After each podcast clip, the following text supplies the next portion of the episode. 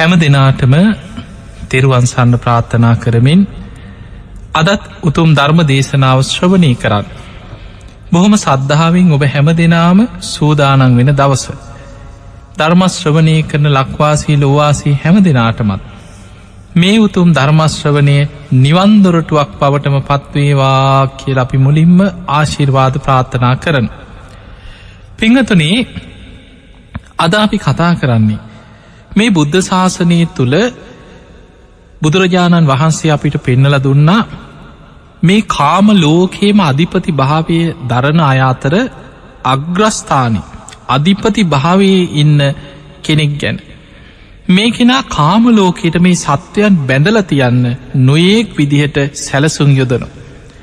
පිනෙන් කාමලෝකයට බැඳල තියන්න උත්සාහ කරනු. අකුසලින් කාමලෝකයට බැඳල තියන්න උත්සාහ කරනු. අන්නේ කෙනා තමයි පාපී මාරය. බුදුරජාණන් වහන්සේ මේ මාරයාට ආමන්ත්‍රණය කරන්නේ මේ පින්වන්ත මාරය කියලනෙමේ පාපිමතෝ මාරෝ පාපී මාරය කියලා. මෙන්න මේ මාරයා කොහොමද කෙනෙකුට බලපෑම් කරන්නේ කොහොමද කෙනෙක්ක බැඳතියන්නේ මේ ධර්මමාර්ග ගමන් කරන ශ්‍රාවකයන්ට මාරය බාධා කරන්න කොයි විදිහටද.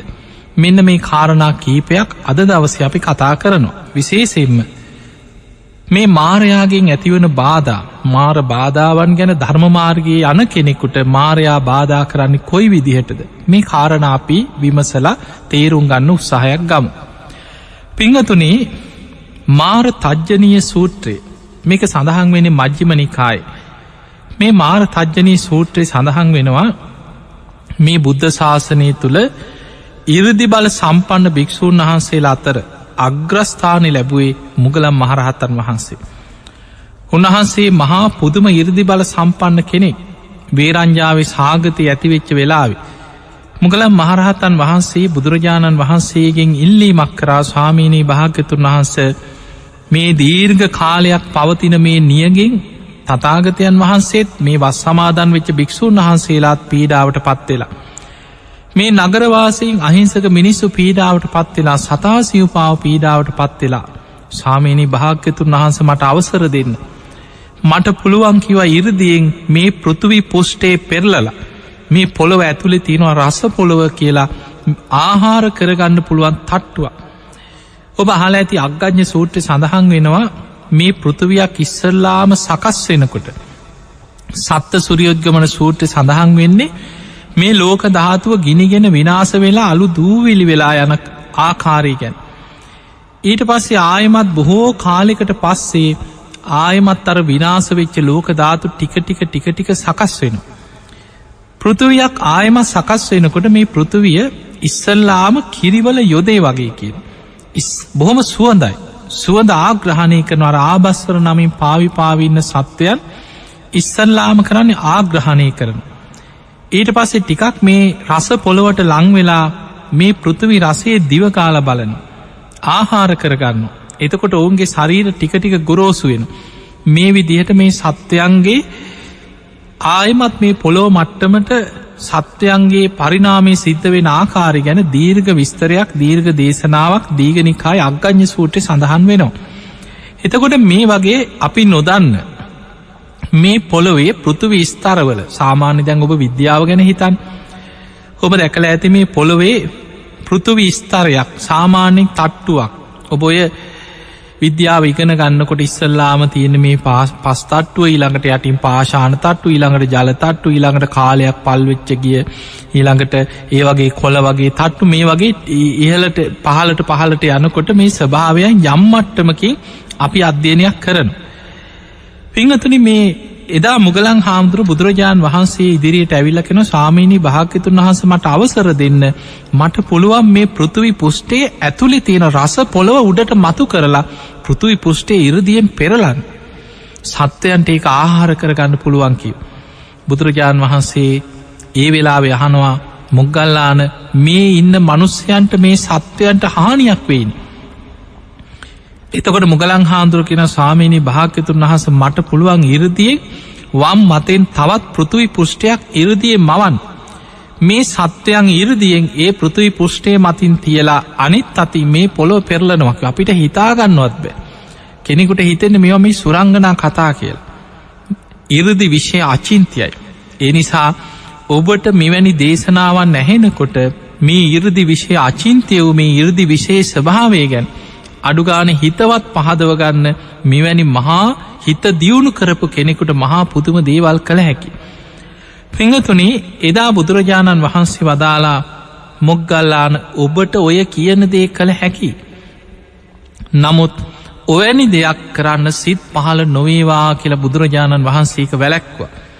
ඒකට හේතුව බුදුරජාණන් වහන්සේ වදාළ මොග්ගල්ලාන ඔබෝයේදේ කළොත් මේ සත්වයන්ගේ හිත් විපිලිසර වෙනවා කොහොමද මේක වුණේ කොහොමද මේ පෘතුවි පුෂ්ටේ පෙරල්ුවේ මොකක්ද මේ වෙච්චදී මොකක්ද වනේ කියලා මිනිස්සු විපිලිසර භාවයට පත්වෙනවා ඒ නිසා මොග්ගල්ලාන ඔබට එවැනි දෙයක් කරන්න සිත් පහල නොවේවා. පිංහතුනි ඒ තරං ඉරදි බල සම්පන්න මුගලම් මහරහත්තන් වහන්සේ. දවසක් උන්වහන්සේ එලි මහන විවේකෙන් කුටියක හුද කලා වැඩයිනිමින් සක්මන් කරන. මෙම සක්මන් කරනකොට මාරය රිංගුව උන්වහන්සේගේ බඩට. එතකොට බලන්න මේ වගේ අසංකේයකොත් කල්පලක්ෂයක් පාරමී පුරලා. ඉරදිවන්තයන්ගෙන් අග්‍රස්ථානය ලබපු. මුගලම් මහරහත්තන් වහන්සේගේ බඩටත් මාරය රිංගවා නං ආය අනිත් අය ගැන කවර කතාවක්. මාරය කුසට රිංගලා ඔහු නිකං ඉන්න වන්නෙමේ. අර සක්මන් කරනකොට එන්න එන්න කුසේ පීඩනේ වැඩි වෙනවා. කුස නිකම් බඩ රිදෙනවා. බඩ පිරිලායනවා. පිම්බිලා වගේනවා. ධාන්‍ය මල්ලක් බඩ එල්ලුව වගේ බඩට බරක් වේදනාවක් ඇතිවෙන්න පටන්ගත්.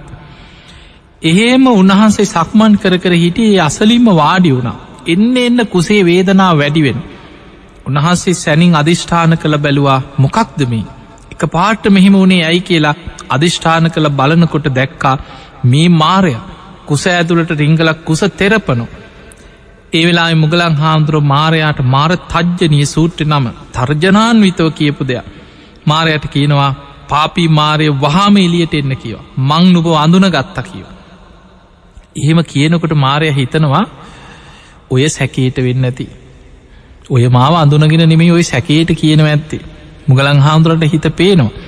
උන්වහන්සේ කියනවා පාපී මාරය නුබ මෙහෙමත් හිතනවා නේද මේ සැකේටයි කියන්නක නෑ මංබ අඳුන ගත්ත වහාම එලියට එන්න කිය. එතකොට උන්වහන්සේ හුස්මක් පිට කරනකොට කට ඇරලා මේ කටින් තමයි කියනවා මාරයක් කුසේ හිටපු එලියටකි. එතකොට බලන්න කොයි තරම් සියුම් ශරීරයක් මවාගන්න පුළුවන්ද මේ කාමලෝකෙ ඉන්න බලවත්ම කෙනා. අධිපති භාවේ දරන බලවත්ම කෙනා හැබැයි උළුවස්සළඟට ගිහිල්ලා. සියුම්ම ශරීරයක් මවාගෙන නොපෙනී එතැන්ට වෙලා හිටිය ටික වෙලා. මුගලන් හාන්දුර බැලුව කෝ කොහිටගේ බලනකොට දැක්ක. ඒ වෙලේ කියනවා ඒ මාපී මාරය නුබ හිතුවද මන් දැක්ක නෑ කියල උළුවස්සළඟට වෙලා ඉන්න? මන්නුබ අඳුනගත්ත. නන්නුබ දැක්කකි. එතකොට මාරය ආය හිතනවා ඔය සැකේට වෙන්න ඇති හරියට මාව දැකල නැතුවයි සැකේට කියන්න.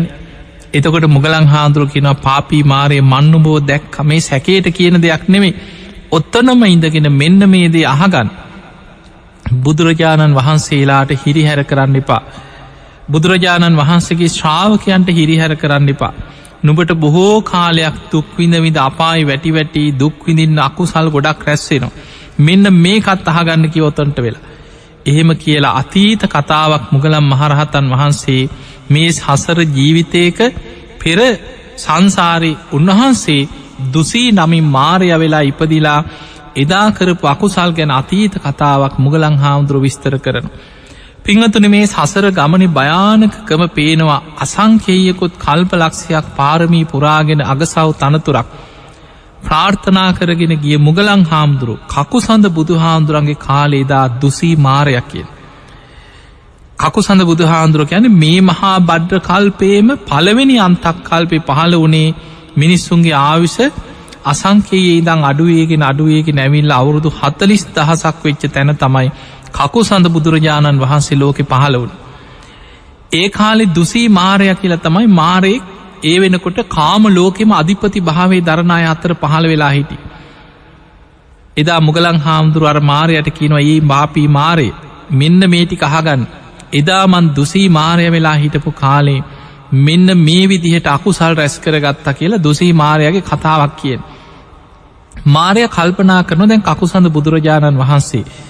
බොහෝ ශ්‍රාවකයෝ සිල්වත්ව ගුණවත්ව ආරාමික වැඩයින්. ඒ වෙලේ මාරය කල්පනා කර මේ භික්‍ෂූන් වහන්සේලා කෙලෙස් වලින් නොමගයාවන්. පිංහතුනි කෙලෙස් කියලා කියන්නේ රාග දවේශ මෝහ නොමගේ අවන්ඩ පුළුවන් එක්කෝ රාගේ පැත්තින් නොමගේ අවන්න පුළුවන් ආසාාව ඇල්ම ඇති කරලා ඒවැන් නොමගේ අවාගන්න පුළුව. එක්කො දවේශ සහිත සිතුවිලි උත්සන්න කළ දවේශය පැත්තෙන් නොමගේ අවන්ඩ පුළුව. එක්ක මෝහේ මුලා කරලා මෝඩකමනි තුළ නොමගේ අවාගන්න පුළුව. පාපී මාරය කල්පනා කරා හරි භික්‍ෂූන් වහන්සේලාගේ අප ඉස්සල්ලා දවේශය අවස්සල නොමගේ අවමු කියල. ඒ වෙලාවේ ඒ ආරාමි අවට ගම්වල ඉන්න මිනිස්සුන්ට මාරය ආවේශ වනා කිය. එතකොට ඔබ හිතන්න මාරයක් කොච්චර බලවද්ද කියලා එක්කෙනෙකුට දෙන්නෙකුට නෙමේ මුළු ප්‍රදේශයකට මාරයට බලපෑම් කරන්න පුළුව. බොහෝ දෙනෙකුගේ හිත්වලට රිංගන්න පුළුවන් කෙලෙස් සහිතායගේ හිත්වල. පාපී මාරයා ඒ ප්‍රදේශීම මිනිස්සුන්ට මනසට බලපෑම් කරනවා. දැන් භික්‍ෂූන් වහන්සේලා පින්ඩ පාති වඩිනවා ගංවලට වඩිනකොට මේ මිනිස්සු මෙන්න බනින්ට පටන්ගන්න. දකින දකින තැන භික්‍ෂූන් වහන්සේලට ගරහනව බනිනෝ ඔන්න එනවා පාත්තර අරගෙන පවකාරයෝකික අනේ බනිනෝ භික්‍ෂූන් වහන්සේලාට.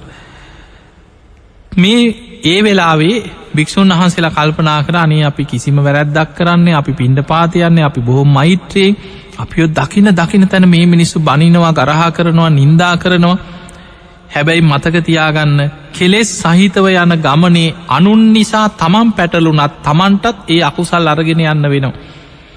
දුසී මාරයගේ පිට තියල බේරෙන්න්න බැරි වුණා. මාරාවේසයෙන් හරි ඒ භික්‍ෂූන් වහන්සේලට නින්දා කර ලකුසල් කරලා ඒ කාලි බොහෝ පිරිසක් මරණින් මත්තේ අපායවල්ලොට වැටුණ කිය.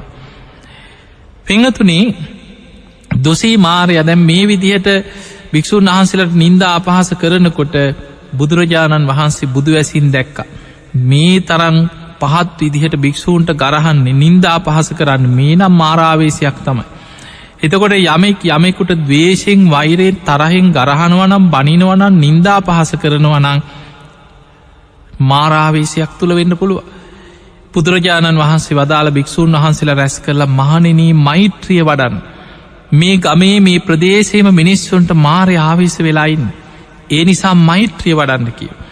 මෛත්‍රී කරුණා මුදිතා උපෙක්හා කෙන සතර බ්‍රහ්ම විහරණම වඩන් මෙත් සිතම පතුරුවන්න කියව. දස දිසාවටම මෛත්‍රී වඩන් අප්‍රමාණ ක්‍රමයට මහංකත ක්‍රමයට මෛත්‍රියම පතුරුවන්න කියව. භික්‍ෂූන් වහන්සේලා මෛත්‍රියම වැඩිපුර ඒ කාලි වැඩිපුරම මෛත්‍රියම පතුරෝනු. මෛත්‍රියමයි වඩන්. මේ විදියට මෛත්‍රී වඩනකුට මෛත්‍රිය පතුරෝනකොට පාපී මාරය දැනගත්තා ඒ කාලි දුසී මාරය දැනගත්තා පික්‍ෂූන් වහන්සේලාට බැනල නින්දා කරලන නොමග යවන්න බෑ. මේ අයිද මෛත්‍රී වඩනවා සතර බ්‍රහ්ම විහරණ වඩන. වෙන ක්‍රමයක් හිතන්න ඕන කියලා මාරය මොකද කරේ? දැන් ඔන්න භික්‍ෂූන් වහන්සේලාට අර මිනිස්සුන්ටම මාරයා වෙන විදිහකට ආවේශ වුණ. දැන් භික්‍ෂූන් වහන්සේලා ගමට එනකොට මල් පාවඩ දාලා පිළිගන්න මල් ලිහිනවා. අනේ උබහන්සේලා දකින්න කොච්චර පිනත්ද මේ ඇස් කොච්චර පින් කරන්න ඕොද මේ වගේ මහා උත්තමයෝ කිය කිය දැන් වඳිනවා ප්‍රනීත දානෙ සකස් කරනවා පිරිකර පූජා කරනවා අවශ්‍ය ප්‍රමාණයටත් එහා ගිහිල්ලා පුද්දුම සද්ධාවෙන් දැන් සිව් පසෙන් අප උපස්ථාන ලැබෙන. භික්‍ෂූන් වහන්සේලා බැලුව මේ මොකද මේ පැනපු මිනිස්සුම දැන්මේ මේ තරං අපිට මේ තරම් ප්‍රනීත විදියට දන් දෙෙනවා සිව් පසෙන් ඇප උපස්ථාන කරනවා මේ තරම් දැම් බලන්න කෙනෙක් දවේශයෙන් නොමග නොයන්න පුළුව. හැබැයි ලාභ සත්කාර කීර්ති ප්‍රසංසා ඉදිරී නොමගයක්. පිංහතුනී ලාභ සත්කාර කීර්ති ප්‍රසංසා කියන බුදුරජාණන් වහන්සේක තියෙන ලාභ සත්කාර සංයුක්තයක. සංයුක්ත නිකාය වෙනම දේශන ගණනාවක් තියෙන. ධාරුණෝ භික්කවේ මහනෙනත් මේ ලාභ සත්කාර බොහොම දරුණුයි කියලා බුදුහාන්දුරු පටන්ගන්න. සම්මස් නහර විනිවිදගෙන ඇට මිදුළුවලටම කාවදිල තියෙනෙකෙනවා ලාභ සත්කාර කීර්ති ප්‍රසංසා ලැබීමේ ආසාාව. ඒ ඇට මිදුළුවලටම කාවදිල තියෙන මිනිස්සුන්ගේ බැඳුම් පිදුන් ලබන්න ලාභ සත්කාර ලබන්න තමන්ගේ කීර්තිය ප්‍රසිද්ධිය ගැන මිනිස්සු අතර ඒ නම හදාගන්න නම තියාගන්න මිනිස්සු වඳිනකොට ගරු කරනකොට උද්දාමයට පත්වෙලා සම්මස් නහර විනිවිද ඇට මිදුළුවලට කාවැදිච්ච දෙයක් කිය. දැම් මාරය මේ පැත්තෙන් නොමග යවන් හදන්. මිනිස්සු ගුණ කියනවා මල් ලිහිනවා මල් පාවට දානවා මල්වලින්ම සැරසිලි පුද පූජා ප්‍රනීත දානමාන ඉහලින්ම සැප සම්පත් සිව් පසේ ඉහලිම් හත්තරංගාපු කුටි හදල පූජ කරන ඇත්ති. ති මේ විදිහට නොයෙක් විදිහට මිනිස්සු මිනිස්සු හිතනවන අපි මෙහෙම කරන්න ඕන මෙහෙම කර සීමාව ඉක්මෝල යනෝ සමහරු පින්කං කරන්න ගිහා. එතකොට මේ විදිහට දැන් ලාභ සත්කාරයනකොට කකුසඳ බුදුරජාණන් වහන්සේ දැක්කා මාරාවේශයක් මේකත්. එතකොට බලන්න අකුසල් පැත්තෙන් දවේශය පැත්තෙන් මාරය උත්සාහ කරනවා වගේම මාරයක් පින පැත්තෙනුත් නොමග යවන්න උත්සාහ කරනවා. ඒ කාලෙ දැම් මාරය නිසා කියලනෑ පින් කරගත්ත කෙන සුගතිය යනු. අර මාරය නිසාම බැන ලකුසල් කරගත්ත මිනිස්සු ඒ දවස්වල මැරිල අපාය ගියා වගේම එතනින් පස්සේ මාරාවේසයෙන් හරි පින්කං කරගත්ත මල් දැ මල් හිනවා ගැන පිනක් මල් පාවට දාල පූජගනකෙන ඒකත් පිනක් ප්‍රනීත විදියට දන් පැන්දෙනවා කියන ඒකත් පින. එතකොට මාරාවේසින් හරි මිනිස්සුන් පින් රැස්වෙන මාරයට අවශ්‍ය මිනිස්සුන් අර පින කරනවාගේ මාරයට අවශ්‍ය භික්‍ෂූන් වහන්සේලාව මේ ලාභ සත්කාර තුළ කොටු කරලා ඔවුන් ඔන්නොමකයාවත් ධර්ම මාර්ගෙන් ඇත් කරන්න ඒවට ආස වෙනවා ඒවට ඇලුම් කරනු ඒ පුද පූජා ඒ පින්කංවලම හිරවෙලා ඉන්න ආස කර. ඒ වෙලාවෙ මාරය මොකද කරේ? මේ විදියට මිනිස්සුන් නො නොමගයාවන් හදනකොට බුදුරජාණන් වහන්සේ බුදුවැසින් මේක දැක්ක. දැකලා භික්‍ෂූන් වහන්සේලාටකි නම් මහනෙන මාරාවේශයක් කියව. එතකොට ඒ ලැබෙන ලාභ සත්කාර කීති ප්‍රසංසා සියල්ල මාරාවේශයක් තුළ නොමල නොමගයවන්න එක මේ උත්සාහ කරන්න. ඒ නිසා අසුභ භාවනාව වඩන්න කියව. පිළිකුල් වසයෙන් බලන්න කියව. මේ ශරීරයේ ඇසකණ නාසේ දිවකය මන සාහිතන හය ගැන අනිත්‍ය සිහි කරන්න. දෙතිස් කුණු පොකොටස්වලින් යුක්ත කුණු ශරීරයක් නේද මේ දරාගෙන ඉන්න මොකටද මං උද්දාමයට පත්වෙන්න කියලා කයේ අතා ස්භාවිම සිහි කරන්න කිය. එතකොට මේ විදිහට බුදුරජාණන් වහන්සේ ඒ කාලෙ අසුබේ ගැන පිළිකුල ගැන ධාතු මනසිකාරී ගැන ඉන්ද්‍රිය දමනය ගැන දහම් දිස්වට පස්සේ භික්‍ෂූන් වහන්සේලා බොහෝ පිරිසක් ඒ ධර්මය හලා අර ලාභ සත්කාර කීර්ති ප්‍රසංසාවලට නොවැලී අනිත්‍ය මෙනෙහි කළ ධර්මාවබෝධි ලබාගෙන නිවනට ගිය. දැම් මාරය බැලුව පිනෙන් කොටු කරන්න බැලුව ඒක හරි ගියත්නෑ. දවේශයෙන් කොටු කරගන්න බැලුව ඒක හරි ගියත්නෑ. ලාභ සත්කාර කීති ප්‍රසංසාවලින් නොමගයාවා ගන්නත් බැරි වුණ. අවසානි මාරයට පුද්දුම කේන්තියක් දුසී මාරය. එදා බුදුරජාණන් වහන්සේ විදුර සංජීවකින් අග්‍රශ්ාවකයන් වහන්සේලා දෙනමත් සමඟ චාරිකාය වඩිනකොට මේ දුසී මාරය පාරයින හිටිය ළමයකුට ආවේශ වුණා. ආවේශ වෙලා ගලක් අරගෙන දමලක් ගැහුව. ගහපු පාර වැදුනේ අග්‍රශ්‍රාවකයන් වහන්සේ නමකගේ හිසේ නලලේ හිස පැලිලලේ ගලනකොට බුදුරජාණන් වහන්සේ නාගා පලෝකනින් බුදු කෙනෙක් හැරෙනකොට හස්තිය කැරෙනවාගේ මුළු ශරීරයම හරවල බලන්න එක පාට හැරෙන්නේ එක පාරට හැරුණොත් ඒ යම් විශේෂ හේතුවක් මතමයි. ඒ මොහොතෙම ඔහු අපාගාමි වෙනවා කිය. බුදුරජාණන් වහන්සේ නාගා පලෝකනින් හැරිල බැලුවා පාපී මාරය නුබ සීමාව ඉක්මවාගයා නේද කියලා ඇහුව. අහනකොටම දුසී මාරයක් මාර බවින් චුත වෙලා මහා නිරේකට වැටෙනවා. චපස් සාහිතනික කියලා නිරේකට වැටුණ කියලා සඳහන්වෙන්. චපස් සාහිතනික කියන ඇසකණ නාසේ දිවකය මනසගෙන ආයතන හයටම. අධික දුක්වේදනා ඇති අපාය. මේ අධික දුක්වේදන ඇති නිරේට වැටිලා අන්ත දුක්වින්ද කියෙන්. අපායිම පැහිල පැහිල පැහිල මහා දුකක් විඳල තමයි කියනවා. ඒ කරපු අකුසල් ටික ගෙවාගෙන අපායින් උඩට ඇවිල්ලා මං මේ ගෞතම බුද්ධ ශාසනය තුළ පෙර පින මතු කරගෙන ධර්මි අවබෝධ කරගත්තේ කියලා කියන දැන් කෞද මේ කතාව කියන්න. එදා දුසී මාරයවුනේ අපේ මුගලං හාමුදු. මේ කතාව කියන්නේ මේ වෙනකොට එදා බුද්ධ ප්‍රමුඛ සංඝයාට හිංසා කර කර එදත් අදත් ඉන්න මේ වෙනකොට මේ කාමලෝක අධිපති භාවේ ධරමින් ඉන්න පාපී මාරයට. මේ මාරය කියන්නේ සංකල්පයනෙමයි සංකල්ප කියන්න හිතේ මවාගන්න දේව. මාරය කියලා පුද්ගලය ගැන බුද්ධ දේශනාව තියෙනවා. ඒ පුද්ගලය තමයි කාමලෝකයේ අධිපති භාවේ දරණය හැට අධිපතිය හැටියට පහළවෙන්. ඒක පිංහතු මේ වගේ දැන් ඕනෑම තැනක ඔබ හිතන්න පාලන ශේෂත්‍රයක් තුළ පාලකෙක්කින්න. ඒ පාලකෙක් තුළ තමයි අනෙක් සියල්ල ගොඩ නැගෙන්. ඔබ ආයතනයක් ගත්තොත් ආයතන පාලකෙක්කින්න. විදුහලක් ගත්තොත් විදුහල්පති කෙනෙකේ පාසැලේ ප්‍රධාන පාලකෙක්කින්න. ගමක් ගත්තොත් ගමේ පාලකෙක්කින්නවා ග්‍රාමසයොත් කෙනෙක් හරි යම් ගමේ ප්‍රධානයක්කින්න. ඉස්සර හිටිය ගම්පතිය ගමේ ප්‍රධානී ඊළඟට නගරේ ගත්තොත් නගරහතිපති කෙනෙක්කින්නවා නගරේ ප්‍රධාන පාලකි පලාතක් ගත්තොත් සමාට මහමති කෙනෙක් අදමට්ටමෙන් ගත්තොත් එහෙම කෙනෙකින රටේ පාලක රටේ රජ්ජුරු රටේ ප්‍රධානී. එතකොට සතුන් අතර ගත්තත් කූමි රැලකත් ඉන්නවා ප්‍රධානී. මී මැසි රංචෝක ඉන්න මී මැසි රැජින එතකොට ගවරංචෝක ඉන්නවා ඒ ගවයන්ගේ නායකත්තේ දරණ කෙනෙක්. ඇත්රංචෝක ඉන්න ඇත් රජෙක්. එතකොට මේ වගේ හැම තැනම ප්‍රධානත්වයක් එක ගොඩ නැගෙන කාම ලෝකේම අධිපති භාවේ දරන ප්‍රධානය තමයි පාපී මාරය. දැන් දිවිය ලෝක ගත්තත් එකින් එකට. දැන් චාතු මහාරාජික දෙව්ලව ගත්තොත් සතර දිසාවට වෙන වෙනම නායක දේවතාවරු හතර දෙනෙක්කි න විරූඩ විරූපාක්ෂ වෛශ්‍රවන් ටෘද රාෂ්ට කියන්නේ සතර වරන් දෙවිය මේ ලෝකෙ සිව් දිසා පාලනය කරන දේවතාවරු හතර දෙනා බල සම්පන් හැබැයි ඒ අයගේ නායකය හැටියට පිළිගන්නේ සක්‍රදවිය දෙදෙව්ලෝට අධිපති සක්‍ර දෙවියෝ කියන්නේ චාතුම් මහාරාජික තාවතින්ස කියන දිවියලෝක දෙකේම අධිපති භාව දරන්නේ සක්‍ර දෙවිය ඊළඟට ඉහල ඉහළ දිවිය තලින් තලයට ප්‍රධාන නායක දේවතාවරු පිනට පහළ වෙන.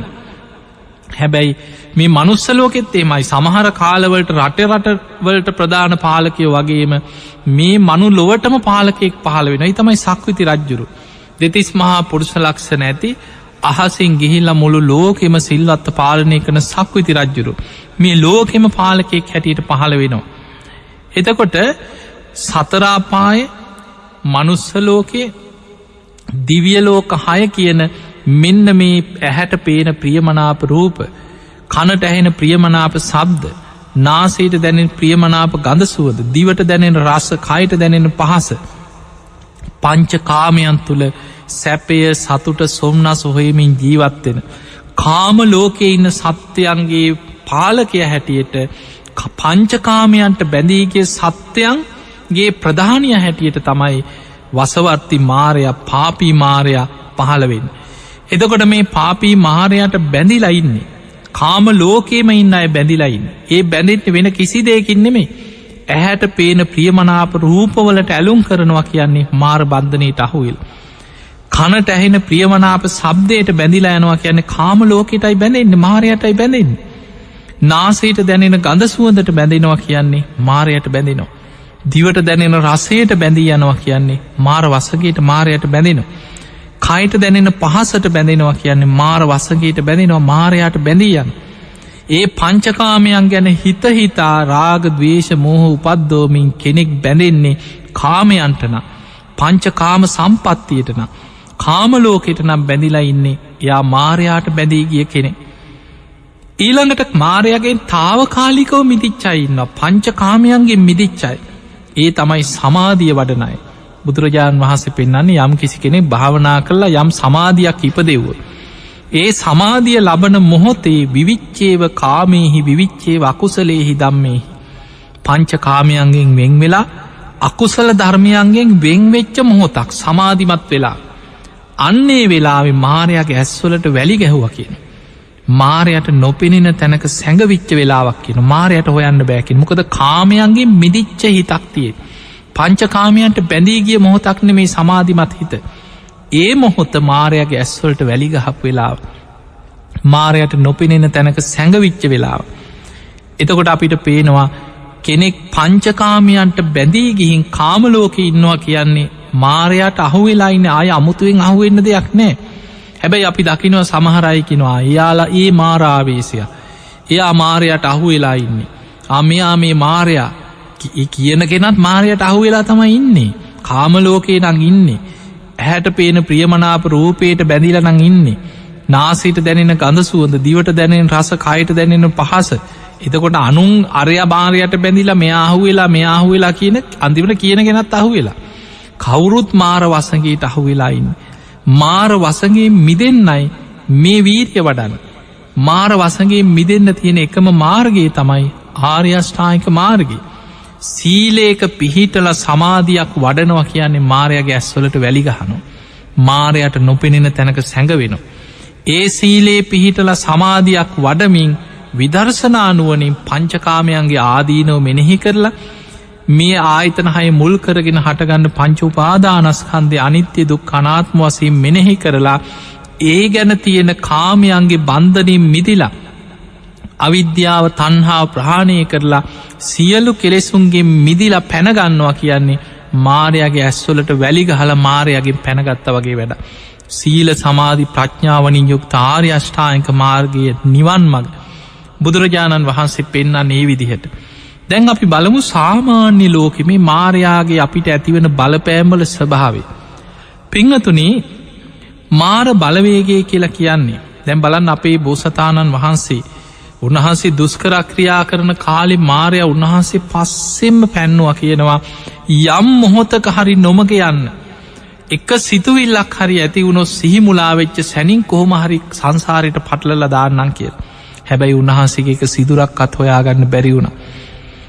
දවසක් බුදුරජාණන් වහන්සේ බුදු වෙලා උන්වහන්සේ වැඩඉන්නකොට උන්වහන්සේට මෙහෙම විතාරකයක් කෙනවා රජවරු ඒ වෙන්නකොට රජවරු සොලොස් මහා ජනපද පාලනය කරපු අංග මගද කසී කෝසල ඔය වගේ රජවරු අතර නිතර රාජ්‍ය යුද්ධ කෝලහල දවේශයෙන් වෛරයෙන් අපරාධ කරනවා දනුවන් දෙනවා රාජ්‍ය පාලන එහෙම තමයි. බුදුරජාණන් වහන්සේ කල්පනා කන උන්වහන්සේ රාජකුමාරය. උන්වහන්සේ කල්පනා කරනවා මරන්නෙත් නැතුව මරවන්නෙත් නැතුව. හිංසා කරන්නෙත් නැතුව. ධර්මිෂ්ටුව මේ රටවල් පාලනය කරන්න පුළුවන් නේද කියලා හිතනවා. ඒ සිතුවිල්ල එනකොටම මාරයා පෙනීදල කියනවා ස්වාමීනී රජකං කරන සේක්වා ධර්මිෂ්ටව රජකං කරන සේක්වා. එතකොට බලන්න උන්වහන්සේ වර පංච කාමයන්ගෙන් යුක්ත අර සිතුවිල්ල හිතුවා විතරයි රජකං කරන්න කියලා මාරය පෙනීදල ආරාධනා කර. බුදුරජාණන් වහන්සේ බුද්ධත්වයට පත්වෙන දවසේ බෝධි මූලේ වජිරාසනය මත වැඩ සිටිද්දිම කලබල වෙන්නේ වසවර්ති මාරය. දස බිම්බරක් මාරසේනා පිරිවරාගෙන ගිරිමේ කලාකෙන ඇතුපිට නැගල මහා සේනා පිරිවරාගෙන එන්නේ. ආයුධ වර්සාවල් ගල් වර්සාවල් ඊතල් වර්සාවල් ළඟළඟ හෙන පුපුරනවා වගේ භයානක හඬ ඇති කරන.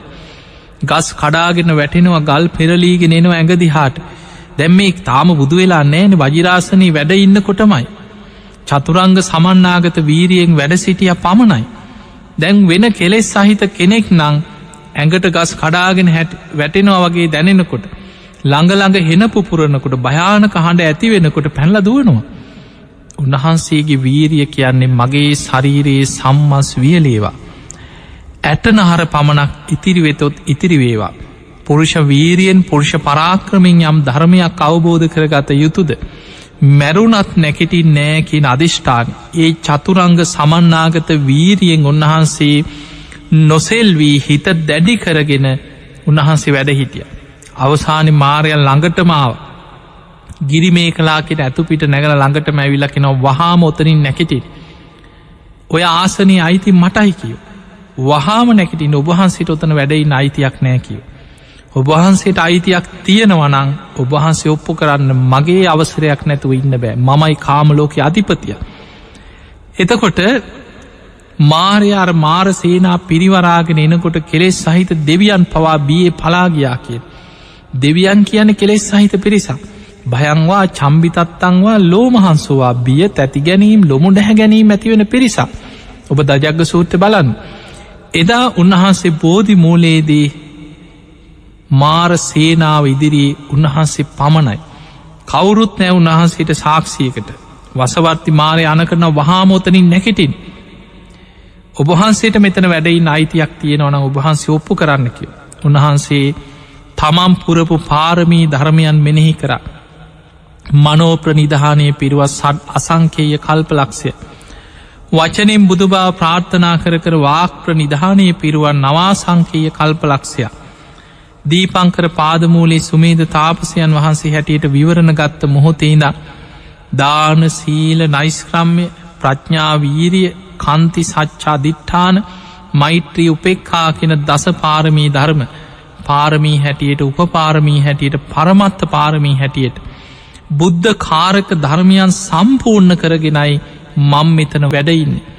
වෙස්සන්තරාත්මි මගේ පාරමී බලයෙන් හත්වාරයක් මහපොලෝ පවා කම්පා වුණ මං පාරමී සම්පූර්ණ කරගත්ත කෙනෙක් මට මෙතන වැඩයින් අයිතියක් තියෙනවා මේ මහපොලෝ මට සාක්ෂි දරනවා කියලා මහපොළොවට ශ්‍රී හස්තේ තියල දිවුරුව. හරීම පුදුමයි මේ සිත්පිත් නැති මහපොළොව ගිගුරුම් දෙමින් සෙලවෙන්න පටන්ගත්තා. වසවර්ති මාරයත් මාර සේනාවත් සීසීකට බියේ පලාගිය. ඒක තමයි පිංහතුනි බෝධි මෝලයේදී මාර පරාජය හැටියට ධර්මී හැඳින්වේ. එදා උන්වහන්සේ දැම් මාරය ඇතුළු සේනාව පලාගිහිල දැන් කවුරුත් නෑ උන්වහන්සේට බාධ කරන්න. රාත්‍රී පළවෙනියාම වෙනකොට ආනාපාන සති භාවනාවෙන් පළවෙනි දෙවනි තුන්ගනි හතරවෙනි දිහානවලට හිත නැංව. හතරවෙනි දෙහානයට පිරිසිදු කරගත් උපේක්ෂා සහගත හිතෙන් තමන් ගත කරගෙන අප පෙරජීවිත බලන්න හිත යොමු කරද්දි පළවෙනි විද්‍යාව පුබ්බේ නිවාසානුස්සති ඥානයේ පහළ වුණ. රාත්‍රී දෙවනියාම හිතයොමු කරා මම වගේමද මේ ලෝක අනෙක් සත්‍යයෝ. උන්වහන්සේට රාත්‍රී දෙවනියාම චුතූප පාතඥානය පහළ වුණ. රාත්‍රී තුන්වනියාමේ මේ භයානක සංසාර ගමන ගැන විමසන්න පටන්ගත්තා කවදාද මේ සත්‍යයක් ඉපදමින් මැරමින් ඉපදමින් මැරමින් සතරාපායි වැටි වැටි යන දුක් සහිත ගමන අවසන් කරන්න. කුදස් වනාම ඉමස්ස දුක්හස නිස්සරනං හෝති. කවදාද මේ සත්‍යයන් මේ දුකෙන් මිදෙන්. මොකක්ද මේ ජරාමරණවලට හේතුව ඉපදීමමයි හේතු මේ විදියට පටිච්ච සමුපාදය අනුලෝම වසයෙන් ප්‍රතිලෝම වසයෙන් බෝධිමූලේති විමසලා විමසලා අවසන් වෙනකොට හිමිදිරි උදෑසන නැගෙන හිරින් අරුණෝදේ මතු වෙනවත් සමගම හිත සියලු කෙලෙසුන්ගේ සියලු ආශ්‍රවයන්ගෙන් මිදිලා සම්මා සම්බුද්ධත්වයට පත්වෙනවා. බුදුරජාණන් වහන්සේ සම්බුද්ධත්වයට පත්වෙලා සතියක් බෝධිමූලේ විමුක්ති සුව විඳමින් වැඩඉන්නවා. මාරය දැම් පැරදුනා මාරයට බැරිවුණා බුදුවෙන එක වලක්වන් හැබැයි මාරයා එතනින් වැඩේ අතෑරියනෑ බුදුනාට පස්සේ උන්වහන්සේ බෝධිමූලේ වැඩඉන්නකොට මාරය ආයමත්වෙනවා. හැබැයි ඒ එන්නේ සේනා පිරිවරාගෙන නෙමෙයි. එතකොට එන්න වෙනත් රූපයකි. මතකතියාගන්න මාරයක් ක්‍රියාත්මක වෙන්නේ එක ඒක සුරූපෙන් මාරයයින්. මාරයක් තර්ජනාන්විතව එන්න පුළුවන් මාරය නිකං හිතවස් සුරූපෙන් එන්න පුළුවන් මාරය සතෙකුගේ සුරූපෙන් එන්න පුළුවන් තමන්ට හිතයිශීම කෙනෙක් විදිහට කරුණාව සුරූපය අරගෙන එන්න පුළුවන් මාරය. එතනදි මාරය ඇවිල්ල කියනවා ස්වාමීනී ඔබහන්සෙක් කොහොම හරි මගේ වසගෙන් මිදුණා. හැබැයි ඉතින් මේ මිදෙන මාර්ගෙනල් ලෝකෙ දේශනා කර කර ගිහිල් අනේ උබහන්සේ වෙහිසට පත්වෙන්න එපා කියව. තැන් බලන්න තියෙන කරුණාව අනේ උබහන්සේ මේ ධර්ම මාර්ගෙනං කිය කියා ගිහිල වෙහිසට පත්වෙන්න එපා. ඉක්මනින්ම පිරිනිවන් පානසේක්වා කියව. අන්න බෝධි මූලේදිමයි මාරයා පිරිනිවන් පාන ආරාධනා කරන්න. එතනති බුදුරජාණන් වහන්සේ මාරයාට කියනවා පාපී මාරය බුදුවරු එහෙම පිරිනිවන් පාන්නය කියව. අවබෝධ කරගත් ධර්මය ලෝකෙට දේශනා කරලා භික්‍ෂු භික්‍ෂුණී උපාසක උපාසිකා කෙන සිව්වනක් පිරිස ලෝකෙ පහළ වෙලා.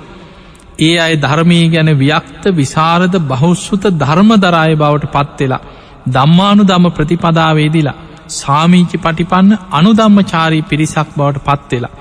ඒ අය මගේ බුද්ධ ශාසනයේ බබලවන්න දක්ෂ වෙනකං පිරිනිවන් පාන්නේ නෑ කියල ප්‍රකාශයක් කර. එතකොට අපිට පේනවා ඒක තමයි බුදු කෙනෙක් ඉලක්කි. බුදුරජාණන් වහන්සේගේ සම්බුදු කෘත්‍යය භික්‍ෂු භික්‍ෂුණී උපාසක උපාසිකාවන් ධර්මය ගැන ව්‍යක්ත විසාරද බහුශ්ෘත ධර්ම දරාය බවට පත්තේ. ඒ අයි දම්මානු දම ප්‍රතිපදාවේ දෙනවා සාමීචි පටිපන් අනුදම්ම චාරී පිරිසක් බවට පත්තෙන්. මේ බුද්ධ ශාසනයේ බබලවන්න දක්ෂ ශ්‍රාවකයෝ පහළ වෙනකා පිරිනිවන් පාන් නෑකිය. ඒ වෙලායි මාරයා එතනින් පලායන් පිංහතුනි මාරයා බුදුරජාණන් වහන්සේට ශ්‍රාවකයන්ට නොයෙක් විදිහට හිරිහැර පීඩා කරපු සිදුවීම් සූට්‍ර පිටකේ තුළ මේ ත්‍රිපිටකේ බොහෝ තැන්වල සිය ගණනක් තොරතුරු සඳහන් වෙන. මාරය එන්නේ එකේක සුරූපේ. සමහර වෙලාවට එක තැනක බුදුරජාණන් වහන්සේ භික්‍ෂූන් වහන්සේලා පිරිසකට දහම් දෙසනවා කමතක එලි මහනෙ. වෙල්ල ආයක් මැද කමතක එලි මහන භික්‍ෂූන් වහන්සේලා පිරිසකට දහම් දෙසනවා.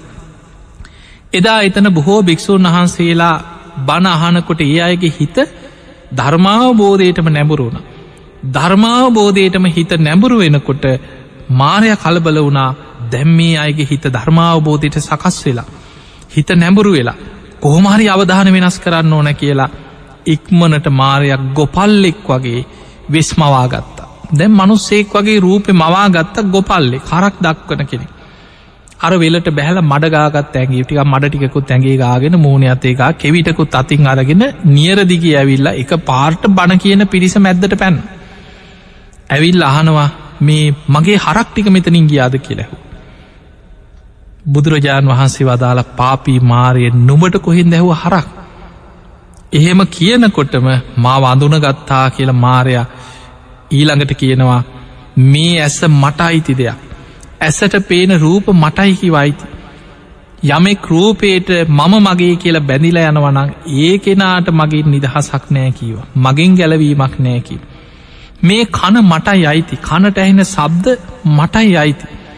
යමෙක් සබ්දයට බැඳිලා යනවනං මම මගේ කියලා එයාට මගින් ගැලවීමක් නෑකිව මේ නාසේ දිවකය මනස මේ ආයතන හයම ඒවට ආයතන හයට ගෝචර වෙන රූප සබ්ද ගන්ධ රස පහස අරමුණු මේ පංචකාම කෙලෙස් සහිත අරමුණු මටයි අයිති. යමෙක් ඒවා මම මගේ කියලා ඒවට බැඳෙනවනං එයාට මගෙන් නිදහසක් නෑ කිව තිං හරිනේ.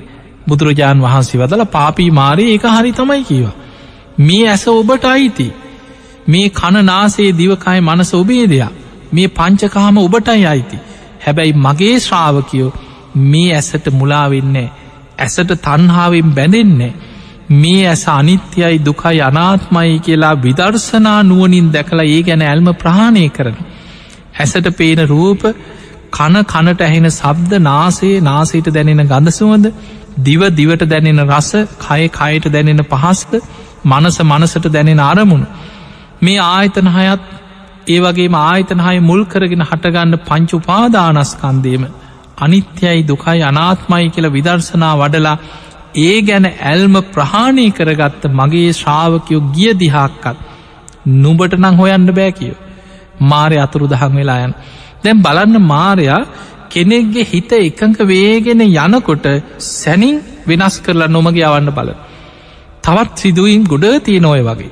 දවසක් බුදුරජාණන් වහන්සේ දහවල් පින්ඩ පාති වැඩම කරලා ආපු ස්වාමීන් වහන්සේලා පිරිසකට.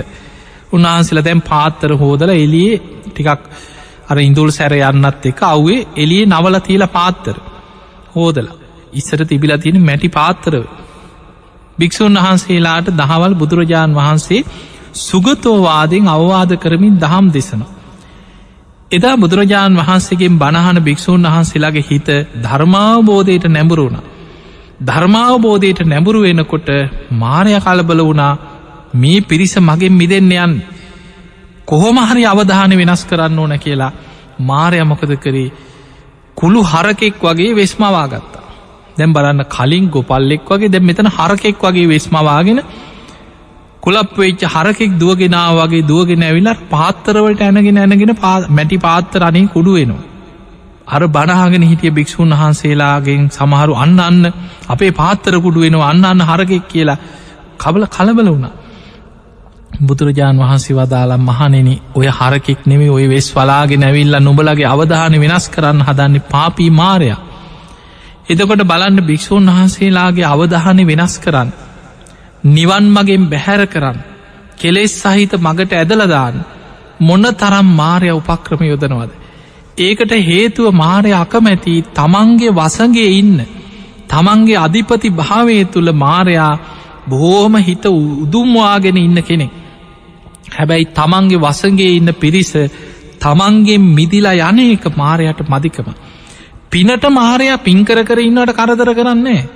පින්කර කර පින්කර කරා ඉන්නකොට මාරයා ඒවට බාධ කරන්නේ මොකද පින් කරලා පින් කරලා දිවිය ලෝකෙම ඉපදුනා කියලා හිතන් දෙවියන් ඉන්නෙත් මාර වසගේ.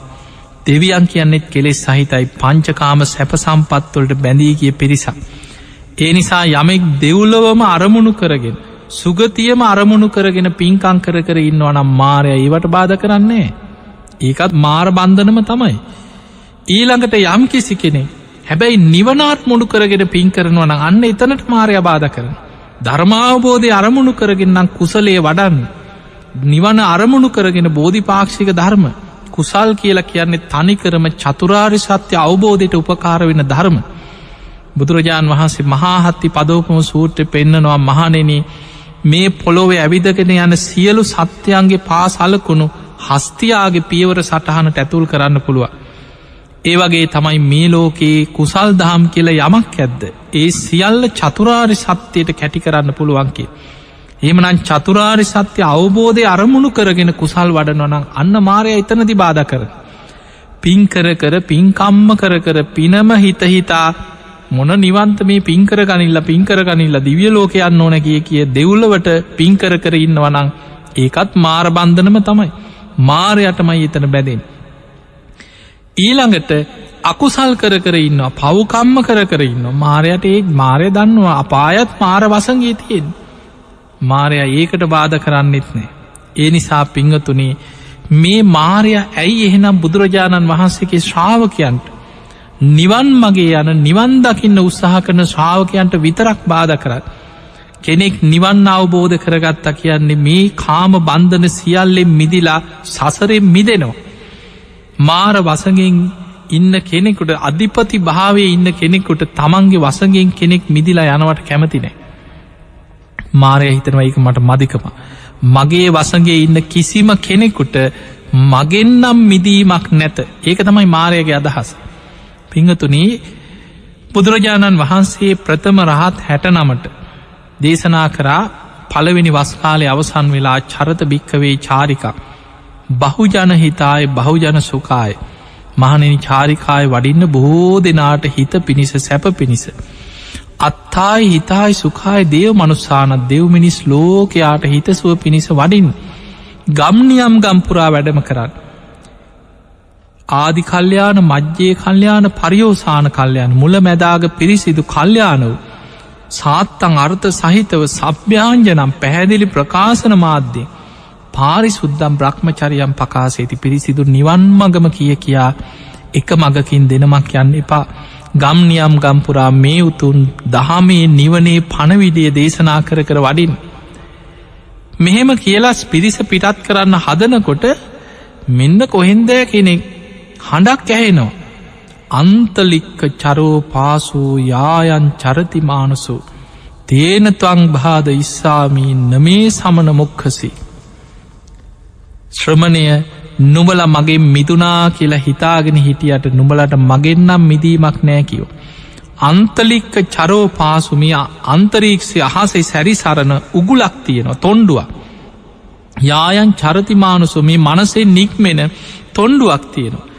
ඒකෙන් මන් නුබලව අල්ලගෙන බැඳගෙන ඉන්නේ. මගේ මිදුනා කියලා හිතුවට මගේ මිදීමක් නෑ දැ මේක මේ බුද්ධ වචනයක් නෙමේ ඒක ගන්න එපා මේ මනසිෙන් යන තොන්ඩුවක් තියෙනවා. කවරු හරි තොන්ඩුවෙන් අල්ලගෙන ඉන්නවාගේ එහෙම තොන්ඩු නෑ. මේ රහතන් වහන්සේලා නොමග යවන්න මාරය කියන බොරුවක්. බුදුරජාණන් වහන්සේ ධර්මීන් ගලපල පෙන්න්න උන්වහන්සේ බුදු ඇසින් අධිෂ්ඨාන කළ. කෞදමී බලනකොට පාපී මාරය. බුදුරජාණන් වහන්සේ මාරයට ඇහෙන්න කියන පාපී මාරය නොබේ ඔය තොන්ඩුව තමයි කීවා රූපා සබ්දා ගන්ධා රසා පොට්ටබ්බාච මනෝරමන් එත්ත මේ විගතෝ චන්දෝ නිහතෝතුමසි අන්තක පාපී මාරයේ නුබේ ඔය තොන්ඩුව තමයි කීවා අල්ලගෙන ඉන්න ඇහැට පේන ප්‍රියමනාප රූප කනට ඇහෙන ප්‍රියමනාප සබ්ද නාසේට දැනෙන ගඳසුවද දිවට දැනෙන රස කයට දැනෙන පහස පංච කාමයන් ඕයන් තමයිකව නුබට බැඳිලයින්න නමුත් මගේ මේ ශ්‍රාවකයන් සියලු දෙනා ඒවැ මිදිච්ච පිරිසක්. ඒ නිසා මාරයෙන් නුඹට නං අල්ලන්න බෑක නුබයෝයි තොන්ඩුවලට එහෙම කියනකොට මාරය අතුරු දහන් වෙලා ගිය. පිංහතුනී මේ විදිහට මාරයා නොඒක් විදිහට නොමගේ අවන් හද ඔය විතරක්නෙම ඔබ හිතන්න මෙහෙම.